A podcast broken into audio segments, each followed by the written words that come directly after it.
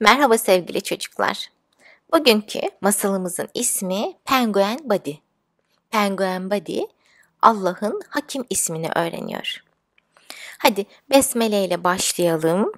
Doğruluktan şaşmayalım. Hayat dediğin bir oyun. Mızıkçılık yapmayalım diyerek masalımız başlasın. Kral penguenler güneşli günün tadını çıkarıyorlardı. Biraz yaşlı olanlar buzların üzerine yatmış dinleniyorlar. Gençler soğuk suyun içinde yüzme yarışı yapıyor, alıp çıkarak eğleniyorlardı. Yavru penguenler ise buzların birinden diğerine atlayarak oynuyor, küçük buz kütlelerini tıpkı bir kaykay gibi kullanarak buz tepelerinden aşağı kayıyorlardı. Bu kalabalık penguen sürüsün içinde kalpleri heyecandan pıt pıt atan bir penguen çifti vardı. Bu çiftin çok yakında yavruları olacaktı. Yumurtanın üzerinde oturan baba penguen kendi kendine söylendi.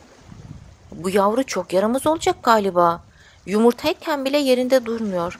Ayaklarımın altında bir o yana bir bu yana yuvarlanıp duruyor. Anne penguen onu duymuştu. Haklısın dedi çok yaramaz olacak. Hadi yorulduysan kalk da yumurtanın üzerine biraz da ben oturayım. Baba penguen dikkatlice yumurtanın üzerinden kalktı.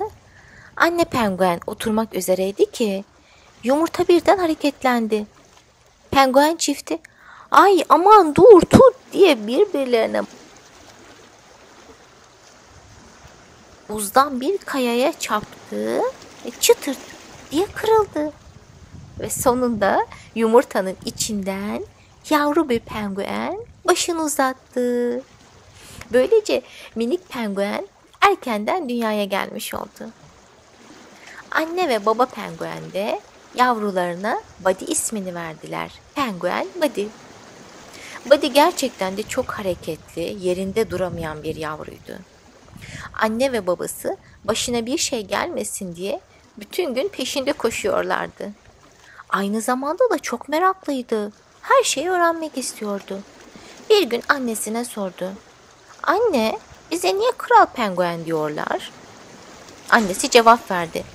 Başımızı ve boynumuzu süsleyen altın renkli tüylerimiz olduğu için yavrum. Bu tüyler atalarımızın asaletini belli eder. Bir gün Buddy erkenden kalkmış, huzurların arasında dolaşıyordu. Birden gökyüzünde uçan kuşlar dikkatini çekti. Onları uzun uzun seyretti. Kuşlar kanatlarını çırpa çırpa uçuyorlardı. Şöyle bir kendine baktı. E, onun da kanatları vardı. Koşa koşa hemen annesiyle babasının yanına geldi. Onlara ben de kuşlar gibi gökyüzünde uçmak istiyorum dedi. Badiciğim sen kuş değil penguensin diye cevap verdiler. Fakat Badi kuşlar kanatlarını kullanarak uçuyorlar. İşte bakın benim de kanatlarım var diye diretti. Anne ve babası o kanatlar senin uçmana değil yüzmene yarar diye yavrularına nasihat ettiler. Fakat Buddy uçamayacağını bir türlü kabul etmek istemiyordu. E, kanatlarımı yüzmek için kullanıyorsam neden uçmak için de kullanmayayım diyerek ısrarını sürdürdü.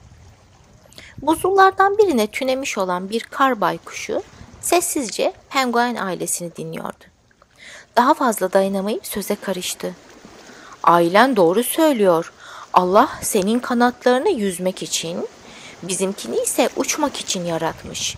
Sen bizler gibi uçamazsın. Biz kuşlar da senin gibi yüzemeyiz. Buddy, senin benim gibi yüzmeyeceğin doğru ama benim uçamayacağım değil dedi öfkeyle. Kar baykuşu öyle olsun. Ben söyleyeceğimi söyledim dedikten sonra gökyüzüne doğru kanatlandı. Buddy kar baykuşun arkasından bakarak söylendi. Ben mi uçmayacağım? Elbette uçarım. Uçayım da gör. Buddy o günden sonra uçma çalışmalarına başladı. Buzulların üzerine çıkıyor, kanatlarını iki yana açıyor, sonra hop diye kendini boşluğa bırakıyordu. Ama her seferinde ne yazık ki kendini yerde buluyordu. Bir, iki, üç belki yirmi kere deneme yaptı. Kaç defa düştü, kaç defa başını buzlara vurdu sayısını bilmiyordu. Ama bir türlü inadından da vazgeçmedi. Yine bir gün uçmayı denemek için yüksek bir buzulun tepesine çıkmıştı ki gökyüzünde dev bir fırtına kuşu belirdi. Fırtına kuşları yavru penguenlerin korkulu rüyasıydı. Büyük kuş yaklaştı yaklaştı ve Buddy'yi pençesiyle kavradığı gibi gökyüzüne doğru uçurdu. Onu yuvasına götürmeye çalışıyordu. Yavrularına güzel bir ziyafet verecekti. Zavallı Badicik bundan habersiz gökyüzünden denizi, buzdağlarını ve yuvalarının bulunduğu buzulları izlemeye dalmıştı. Manzara öyle muhteşemdi ki Buddy'nin içindeki uçma isteği daha da arttı. Mutlaka, mutlaka uçmayı başarmalıyım diye tekrarlıyordu bir taraftan da. Az sonra fırtına kuşu Buddy'yi yuvasına bıraktı. Buddy ancak o zaman tehlikede olduğunu anladı. Korku içinde eyvah galiba bu kuşlara yem olacağım diye düşündü. Fırtına kuşu yavruları gagalarını uzatarak Buddy'ye doğru yaklaşmaya başladılar. Buddy imdat imdat diye bağırıyor ama onu kimse duymuyordu. Yuvadan geri geri kaçarken birden ayağa kaydı ve kayalardan aşağı yuvarlanmaya başladı. Okyanusa doğru düşüyordu. Kanatlarını çırptı çırptı hem de yüzlerce defa fakat bir işe yaramadı. Neden benim kanatlarım uçmama yaramıyor neden diye söylendi. Buddy'nin dağlara çarpan sesi yankılandı. Neden benim kanatlarım uçmaya yaramıyor? Neden? Yere düşmek üzereydi. Sonum geldi galiba diye düşünüyordu. Fakat okyanusun soğuk suları ona kucak açtı adeta. Buddy'nin kanatları suyun içinde sanki onu uçuruyordu.